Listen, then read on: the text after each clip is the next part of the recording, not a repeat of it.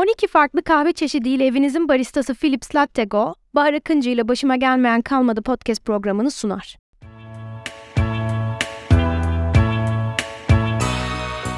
Başıma gelmeyen kalmadığının ikinci ve yeni sezonuna hoş geldiniz. Çok heyecanlıyız çünkü bütün bir yaz yeni sezonda neler yapabiliriz? Hayatını seyahat ederek değiştirmiş kimleri konuk alabiliriz? Hayatına yeni ufukları açmış kimleri burada e, size dinletebiliriz diye çok çalıştık. Ve şahane isimler var ikinci sezonda.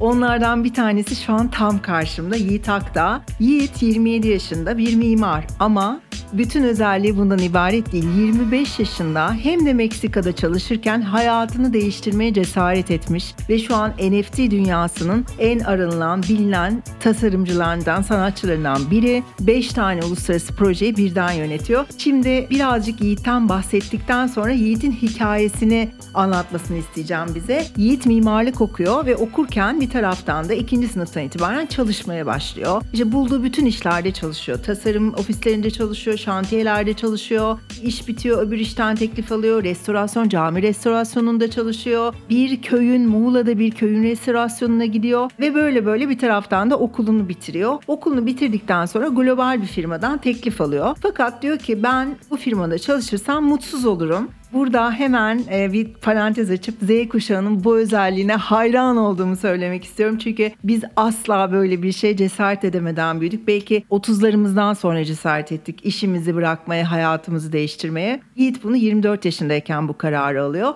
Hemen arkasından da biraz daha bekliyor ve başka bir şirketten çok büyük 50 yıldır Türkiye'de var olan bir sürü genç insana yepyeni kapılar açmış olan bir şirketten teklif alıyor ve onlarla birlikte 3 ay sonra kendini Meksika'da buluyor. Meksika'da uluslararası bir devlet binasının yapımında çalışırken olaylar başlıyor. Ne oldu orada? Merhabalar öncelikle. Hoş Ee, geldin. hoş bulduk. Çok mutluyum e, bu yayında olmaktan. Çok teşekkür ediyorum sizlere ve Aposta ekibine. Yani Meksika, yani nereden başlasam bilmiyorum. Bambaşka bir Dünya. serüven, bambaşka bir dünyaydı benim için. İlk işte, yani ilk iş tecrübem değil ama ilk ciddi iş tecrübem, ilk yurt dışı deneyimim, ilk yurt dışında yaşama tecrübemde çok değişik bir maceraydı benim için ve çok güzel sonlandığını düşünüyorum. Şimdi sana şunu soracağım. Dediler ki Yiğit Meksika'da böyle bir pozisyon var. Sen orada çalışır mısın? Nasıl e, aldın bu kararı ya? Ben giderim tamam ben tamamım nasıl dedin? Bir telefon geldi bir gün gelmek ister misin diye. İlk düşündüğüm şey herhalde yani çok uzun süre düşündüm Meksika'ya gitmeyi yani yaklaşık bir 2-3 ay kadar düşündüm Meksika'ya gitmeyi. İlk düşündüğüm şey ben eğer Meksika'ya gitmezsem 50 yaşına geldiğim zaman pişman olmak istemiyorum fikriydi. Çünkü acabalarla kalmak istemiyordum. Dolayısıyla bu teklife evet Çünkü oldum. aslında gezmeye gitmeyeceksin, çalışmaya gideceksin. Büyük sorumluluğu olan bir iş. Aileni, arkadaşlarını, belki varsa kız arkadaşını, sevgilini, her şeyini arkanda bırakacaksın. Ve sonra da yepyeni bir dünya başlayacak senin için. Ve en sonunda bu kararı verdin. E, 50 yaşında ben bunu yapmadıysam çok pişman olurum dedin. Harika bir düşünce. Ve kendini uçakta buldun. Uçaktan indikten sonra neler oldu Meksika'da? Bir kere tamamen hiç bilmediğim bir ülkeye gittim. Ee, hayatımda çok az şey bildiğim bir kültüre giriş yaptım. Ve geldikten birkaç gün sonra da zaten kendimi şantiyede buldum. Görevime başlayacağım şantiyede buldum. Bambaşka bir ortam, hiç alışmadığım bir ortam. Mimarlık, mesleki kariyerimde de çok fazla yeri olmayan o zamana kadar bir iş koluydu. Çok enteresan bir şekilde girdim ve arkadaşımın da orada olmasıyla yaklaşık bir 3 ay aslında alışma süreciyle beraber güzel bir 3 ay geçirdim diyebilirim. E, İngilizce biliyordun gitmeden önce ama bir yandan da Meksika gibi bir ülkede İspanyolca gerekiyor. E, nasıl anlaştın orada çalışanlarla, kendi işte mesaindeki insanlarla ya da günlük hayatta işte markete gitmekle, kirayı ödemekle bunlarla nasıl uğraştın? Çok az İspanyolca anlıyordum ama tabii ki yeterli değildi. Ben gittiğimde e, şantiyeye, şantiye zaten bir buçuk senelik bir şantiyeydi. Dolayısıyla e, orada çok fazla Türk çalışan ve Meksikalı çalışan beraber çalışıyordu. Ve Türkler enteresan bir Yapı, yapı organizma. organizma. orada çoğunlukla Türklerin yani İspanyolca öğrenmesinden ziyade Meksikalıların Türkçe öğrenmesi gibi bir durum ortaya çıktı. Dolayısıyla gittiğimde Meksikalıların çoğu bazı Türkçe şeyleri anlayabiliyordu. Yani teknik terimleri vesaireleri. Dolayısıyla alışma sürecinde çok da zor olmadı. Ama tabii ki e, orada yaşamak, orada barınmak için biraz İspanyolca öğrenmem gerekiyordu. Bunu da yine çalışma arkadaşlarımla, çalıştığım mimarlarla vesairelerle sora sora, işçilere sora sora bunun anlamı ne vesaire diye sorarak böyle biraz öğrendim. Bir de Meksika halkının çok misafirperver olduğunu, çok cana yakın olduğunu duydum ben. Doğru? Ee, kesinlikle. Ne kadar bize Meksika bize uzak bir kültür gibi geliyor. Aramızda saatler, kilometreler var. Ama Meksikalıların bu misafirperverliği, bu aslında cana yakınlığı aslında Türklere çok benziyor. Yani Meksika ile alakalı ilk duyacağınız şey benim de ilk duyduğum şey çok tehlikeli oldu. Oraya gitmememiz gerektiği vesaireydi. Ama oraya gittiğinizde anlıyorsunuz ki Meksika aslında her yer kadar tehlikeli. Yani İstanbul ne kadar tehlikeliyse o kadar tehlikeli ve aslında insanları çok cana yakın ve Meksika'da sokakta başınıza bir şey gelse bile yardım e, Ediyorlar. alabiliyorsunuz. Yalnız kalmıyorsunuz ve Meksikalıların aslında bizden daha ayrıştıran özellik herhalde misafirperverlikleri harici çok mutlulardı. Nasıl? Yani şöyle ben şantiyede çalıştığım için çok zor şartlarda çalışan Meksikalılarla beraberdim. Çalışıyorduk beraber. Kimi 3 saat uzaklıktan geliyordu, kimi yürüyerek geliyordu, kimi saat 4'te kalmak zorundaydı vesaire. Ama ne olursa olsun cuma günleri ve cuma cumartesi günleri kesinlikle o eğlencelerinden, o danslarından, Meksika'ya özgü Salsalarından. salsalarından, işte biralarından vesairelerinden asla ödün vermediler. Hatta çoğu zaman pazar günleri çok eğlendikleri için pazartesi işe gelemiyordu Meksikalı e, çalışanlar. Dolayısıyla mutlulukları bizden ayrı. Her zaman mutlular. Çok az para kazanıyorlar. Çoğu çok fakir ama mutlulardı. Peki şunu soracağım. Bütün hayatın işten ibaret gibi gözükse de aslında hafta sonların belki ya da pazar günlerin sana aitti. Belki arada küçük küçük seyahatler yapma fırsatı buldun. Nereleri gezdin? Şantiyecinin hayatı çoğunlukla işten ibaret. Çok uzun saatler ve çok uzun günler çalışıyorsunuz. Ama benim bir gün tatilim vardı pazar günleri. O pazar günlerinde kendime bir misyon edindim ve her pazar günü Meksika'yı şehri gezmeye başladım öncelikle. Bir parantez için Meksika, Mexico City şehri en fazla müze barındıran şehirlerden bir tanesi dünyada. Dolayısıyla her köşe başında bir müze, her yerde bir tarih, bir, bir şey görüyorsunuz. Dolayısıyla ben de ilk başlarda her pazar şehri gezerek, şehrin farklı müzelerini gezerek, farklı noktalarını gezerek geçirdim. İlk önce buralardan başladım. Daha sonra da Mexico City bir eyalet başkenti ve o eyaletin, bulunduğu eyaletin etrafında çok fazla etnik kökene hitap eden köyler, kasabalar, Meksika kökenine de hitap eden ama daha eski Maya, daha farklı hitap eden köyler ve oluşumlar var. Hatta hiç bil- bilinmeyen farklı etnik kökenler bile var. Onların ibadet yerleri, onların tapınakları, onların köylerini gezme şansı buldum ve bunların hepsi zaten Mexico City başkente yarım saat 45 dakika uzaklıktaydı. Frida'nın evi, işte Diego Rivera'nın müzeleri vesaire bunların hepsi zaten farklı şehirlerde ve çok yakınlardaydı ve ben bunları gezerek başladım aslında. Peki şunu soracağım. Kaç yıl sürdü Meksika tecrübesi? İki sene boyunca Meksika'daydım. İki sene boyunca Meksika'dasın, bir devlet binasının yapımında çalışıyorsun ve sonra hayatını değiştiren bir şey olmaya başlıyor adım adım. Ne oldu? Meksika'da aslında mutluydum özellikle ilk senemde. Ee, sonra e, ben zaten hali hazırda da mesleğim de o. Ben e, amatör olarak çizim yapıyordum. İllüstrasyonlar yapıyordum e, dijital olarak. Karikatürler çiziyordum. Çocukluğumdan beri çizerim ama bunların hepsi amatördü zaten. Şantiyenin yani çalışma hayatımın bölümünde biri bana NFT diye bir şeyi fısıldadı kulağıma. Nasıl olur, ne olur hiçbir fikrim yoktu. Ama biraz araştırdım. Bazı doğru insanlarla tanışma şansım oldu. Herhalde şanslıydım birazcık da. O zamanlarda NFT ile biraz başladım. Peki bu insanlarla internet ortamında tanışıyorsun. Evet, yani internet- bir çeşit bir takım forumlarda, NFT'nin konuşulduğu belki platformlarda vesaire. Evet çünkü şöyle bir şey var. Kafanızı aslında nereye çevirirseniz e, yol sizi oraya götürüyor. Dolayısıyla ben kafamı oraya çevirdiğim andan itibaren yani ben çizer, çizerlik de yapmak istiyorum dediğim andan itibaren daha hep her gün başka insanlarla internet üzerinden tanıştım. Tamamen dijital bir dünya zaten. that. Tamamen anonim bir dünya. Farklı farklı insanlarla tanıştım bu yolda ve şanslıydım dediğim gibi. Doğru insanlarla tanıştım ve o doğru insanlar bana doğru şekilde nasıl yapılabileceğini öğrettiler. Ve maceram aslında böyle başladı. Yani şunu söyleyebilirim herhalde son Meksika maceramın son 6 ayında e, uyku diye bir şeyi hayatımdan kaldırdım ve hayatım tamamen işim ve çizimim oldu. Aslında tek bir fikrim vardı. İşi nasıl bırakırım? Yani işi bırakabilecek noktaya nasıl gelebilirim amatör çizerliğimle? Mottosuyla başladım. Çok çalıştım. İşte her gün çizim yaptım. Daha fazla çizim yaptım.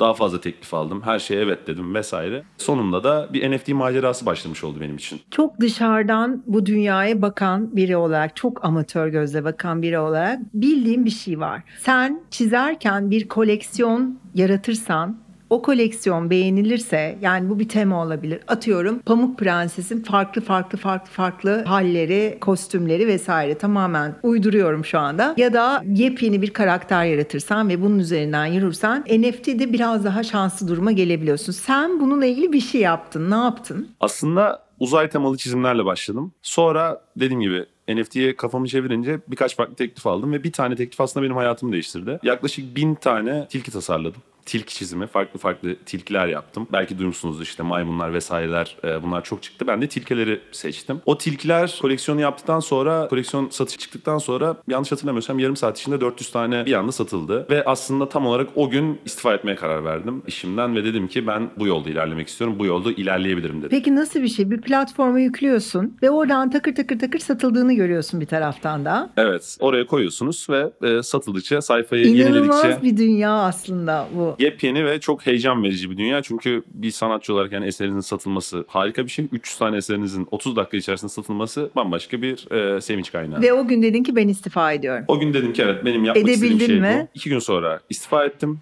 E, çünkü yani karar vermiştim. Zaten karar vermeye çalışıyordum ama o anda dedim ki bu tamamdır. Ben istifamı verdim. iki gün sonra kal dediler, gitme dediler vesaire. Hayır dedim. E, gideceğim dedim. Çünkü en nihayetinde Meksika'ya gelmek de benim tercihimdi. Gitmek de benim tercihim olacaktı. Her zaman zaten mutlu olmak. Mutlu olmak istediğim şeyleri yap, yapmaya çalıştım hayatımda. Dolayısıyla en mutlu olacağım şey bu olduğu için de bıraktım ve Türkiye'ye döndüm. Tabii biz burada böyle çok hızlı hızlı geçiyoruz üstünden ama bunun arka planında çok uzun saatler, uykusuz geceler, belki işte çok e, az bir saat uykuyla işe gitmeler, orada tekrar şantiyede çalışmalar, bir sürü emek var. Hiçbir şey aslında dışarıdan gözüktüğü kadar kolay değil. Bu kararı almak da hiç kolay değil. Yani e, düzenli bir işin var. Zaten bir de Meksika'ya gitmişsin. O bir karar. Üzerine ikinci karar bir de Meksika'dayken işimi bırakacağım diyorsun. İşi bıraktın, istifa ettin. iki gün sonra sonra ne oldu? İstifa ettikten sonra hayatımdaki en yani hayatımı değiştiren teklifi aldım. Bir yatırımcı beni aradı ve bir projesinden bahsetti. Senin e, NFT'lerini bir yerde gördüm. Tabii NFT yani biraz o çünkü istifa edene kadar yaklaşık NFT dünyasında bir 6 ay geçirdim. Orada birazcık da bir ismim bilinirliği arttı. Çünkü e, girdiğim dünyada ilk sanat yani e, sanat işi yapan sanatçılardan biriydim. Çok az kişiydik orada. Çünkü e, bir parantez açayım dinleyiciler açısından Ethereum'dan ibaret olmuyor o NFT dünyası. Başka dünyalar da var. Yani NFT'de aslında satış yaptıkça sen ne dolar ne euro ne TL kazanıyorsun. Sen Ethereum ya da işte bir takım bitcoinler, coinler ne, ne kazanıyorsun. coin'e, ne coin üzerinde çalışıyorsanız o coin'i o kazanıyorsunuz. coin'i kazanıyorsun ve bu bir cüzdan da birikiyor. Ee, yine bir sanal cüzdan bu ve sen onu istediğin zaman paraya çeviriyorsun. Hemen bir parantez açıyorum. Çok herkesin kafasındaki soru işaretlerinden biri. Aslında iki tane soru var. Önce ilk sorudan başlayayım. İlk soru şu ya da dur onu en sona saklayalım. İkinci sorudan devam edeyim. Ben bu cüzdanın güvenliği nasıl sağlanıyor? Yani ben NFT'ye girdim. işte satış yapmaya başladım. Tasarımlarım satılıyor ve bu cüzdanın güvenliğini nasıl sağlayacağım? Cüzdanınızın güvenliğini sağlamanın iki yolu var aslında. Bir, çok basit, herkesin bildiği, bilmediğiniz sitelere üye olmuyorsunuz. Birincisi o. İkincisi de ve en önemlisi de aslında net önleyen şey bu. O cüzdanınızın bir şifresi oluyor. Ve o şifreyi kaybederseniz cüzdanınızı da kaybediyorsunuz. Dolayısıyla o şifre çalınırsa her şey bitiyor. O cüzdanın, o şifrenin çalınmaması adına yapabileceğiniz tek şey bu şifreyi analog tutmak. Yani bunu bilgisayarınızda bir yere yazmak veya da bir yani dijital bir ortamda saklamak yerine bildiğiniz kağıda yazıyorsunuz ve onu cüzdanınıza atıyorsunuz. Tek yol bu. Bu çalıntı veya hırsızlıklardan korunmak için. Peki e, ayrıldın işten e, ve hemen Meksika'dan dönmedin. Evet dönmedim çünkü bir tatil planlamıştık arkadaşlarımla. Üç tane arkadaşım istifa ettim. İki gün sonra zaten üç tane arkadaşım geldi Meksika'ya. Ve biz bir Meksika turuna başladık aslında. Bütçe kısmını halledersen yani uçak kısmını diyelim ki çok aylar öncesinden bir Meksika bileti buldun ve aldın.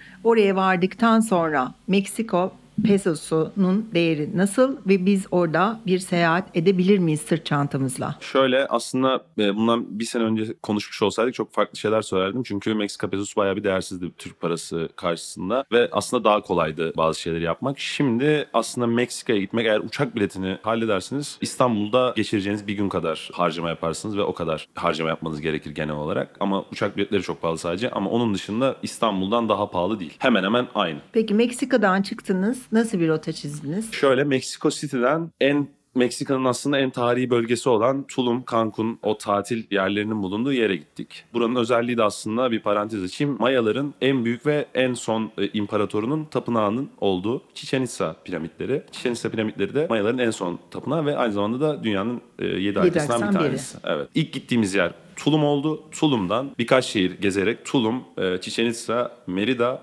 Cancun ve Izamel diye sarı şehir olarak adlandırılan tamamen sapsarı binaların bulunduğu yine çok tarihi bir şehir olan Izamel'e gittik ve oradan da tekrar Meksiko City'ye döndük. Aslında planı yolda yaptın. E, planı yolda yaptık. O da bambaşka bir macera. Çünkü Meksika'da yazları aslında şöyle geçer. Sabah çok sıcaktır. Çok, çok soğuktur özür diliyorum.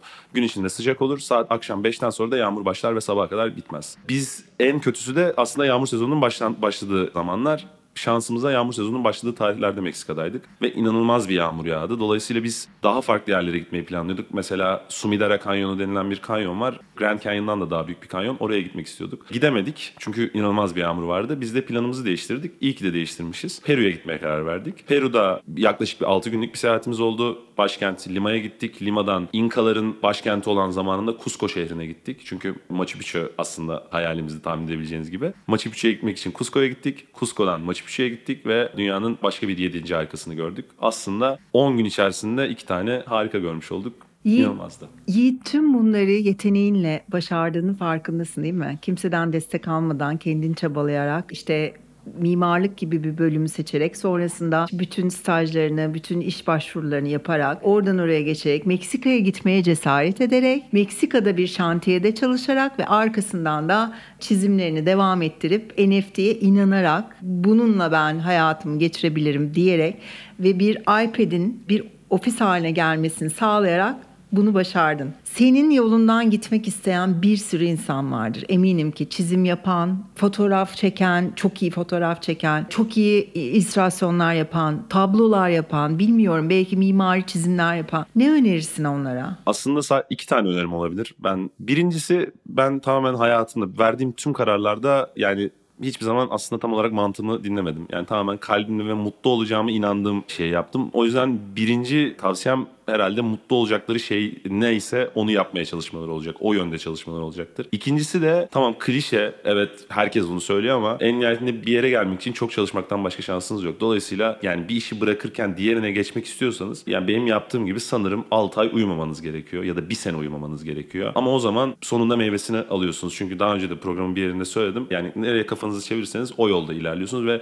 hayat size o fırsatları çıkarıyor. Çünkü ben eğer istifa etmeseydim işimden belki de o teklifi almayacaktım veya da başka şeyler olmayacaktı. Ama istifa etmeyi tercih ettiğim anda o teklif geldi. Bunların bir şey olduğunu düşünmüyorum aslında. Peki biz reel hayatta çalışırken işte ben diyelim ki medya sektöründeyim ve fiziksel olarak var olduğum dünyada network oluşturuyorum. Sen diyelim ki NFT'yi bir tarafa koyuyorum. Mimarsın ve mimarlık çevresinde bir network oluşturuyorsun. NFT'de nasıl network oluşturuluyor? NFT'de network oluşturmanın aslında herhangi bir yer network oluşturmaktan çok farklı değil. Ne kadar oradasınız? Aslında NFT dünyasında insanlar şuna bakıyorlar. Sen burada kalacak mısın? Sen yarın gidecek misin yoksa gitmeyecek misin? Eğer insanlara burada olacağını inandırırsan ve yani ona göre çalışırsan buna da bir parantez açayım şu demek bir sanatçı olarak en azından devamlı çizim yapıp devamlı bir e, koleksiyon ortaya koyup devamlı bir genel o ortama değer katmaya çalışırsan bu bir illa sanat eseri olmasına gerek yok. Bir developer olabilirsiniz veya da bir marketingçi olabilirsiniz. Ne yapıyorsanız yani profesyonel hayatta ne yapıyorsanız oraya değer katmaya çalışarak ve orada var olmaya çalışarak bunu yapabilirsiniz. NFT dünyası tamamen bundan ibaret.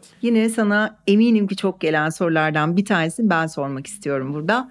NFT'ye nasıl girebilirim? NFT'ye nasıl girebilirsiniz? Aslında NFT'nin ne olduğunu anlamak lazım öncelikle. Ki ben bunları aslında bazı yerlerde de paylaşıyorum paylaşabildiğim kadar. NFT bir sanat e, formu değil. Yeni bir sanat formu değil. NFT sadece bir pazarlama aracı. Bunu fark ederseniz aslında yola 1-0 önde başlamış oluyorsunuz. Dolayısıyla NFT'ye nasıl girebilirim sorusunun cevabı siz aslında ne yapıyorsunuz? Siz müzisyenseniz ve mü- müzikle alakalı bir NFT yapacaksanız iyi bir müzisyen olmanız lazım. Ressamsanız, sanatçıysanız, bir karikatürseniz iyi bir çizer olmanız lazım. Dolayısıyla en başta bundan geçiyor.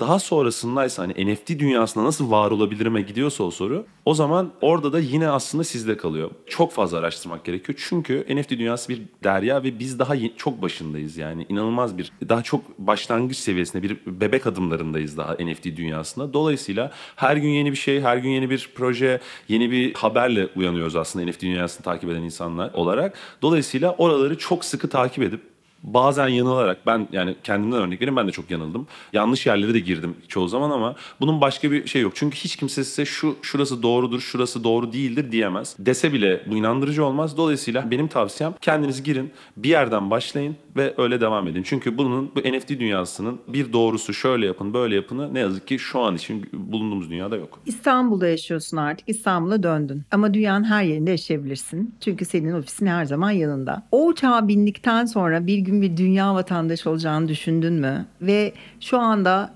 belki önümüzdeki 5 yıl içinde şunları hedefliyorum diyebileceğin bir şey var mı? Akışa mı bırakıyorsun? Öncelikle asla düşünmüyordum Meksika'ya gittiğim zaman böyle bir dünya vatandaşı olurum olamam gibi bir şey yoktu kafamda ama ister istemez bu kadar uzak bir ailenizden yani kendi evinizden bu kadar uzakta bir yerde olduğunuz zaman ister istemez hayat sizi yalnız bırakıyor orada. Dolayısıyla da bazı şeyleri kendiniz yapmanız gerekiyor. Bir nevi büyüyorsunuz tırnak içinde söylüyorum. Dolayısıyla aslında ben orada daha farklı bir insana çevrildim ve şunu fark ettim ki ben artık hani dünyanın herhangi bir yerinde yaşayabilecek bir düzeydeyim. Bir şekilde yolumu bulurum ve hallederim. Çünkü dil bilmediğim bir yere gidip bunu yapabildim. Her yerde yaparım. Dolayısıyla 5 senelik hedefiniz ne diye sorarsanız açıkçası sizin dediğiniz gibi aslında akışa bırakıyorum. Çünkü yeni dünyadayız. Ben aslında bir çizerim. Freelance olarak çalışıyorum çoğunlukla. Dolayısıyla iPad'imin olduğu bir çizim tabletinin veya bir kağıdımın kalemimin olduğu her yer benim ofisim. Dolayısıyla e, beni nereye götürür bilmiyorum hayat.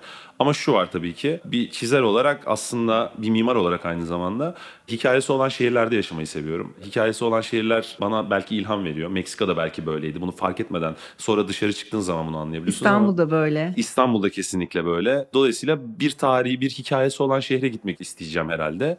Ama e, şu an için buradayım. Yarın ne olur bilmiyorum. Yiğit sana çok teşekkür ediyorum. Çünkü tam burada dinlemek istediğim, dinletmek istediğim hikayelerden bir tanesi anlattın bana.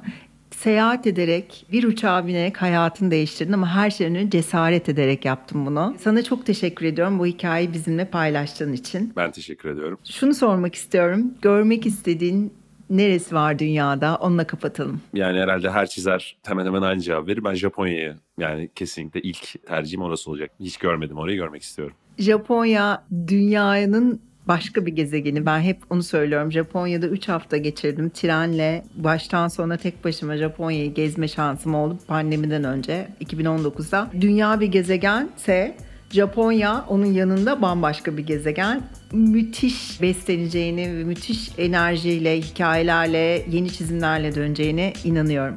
Çünkü sanat dünyasında da çok e, hani çok etkin bir millet aslında. Dolayısıyla eminim ki çok enteresan olacaktır. Ne olduğunu hiç bilmiyorum. Çok merak ediyorum ben de. Çok teşekkür ediyorum. Ben teşekkür ederim. Çok sağ olun.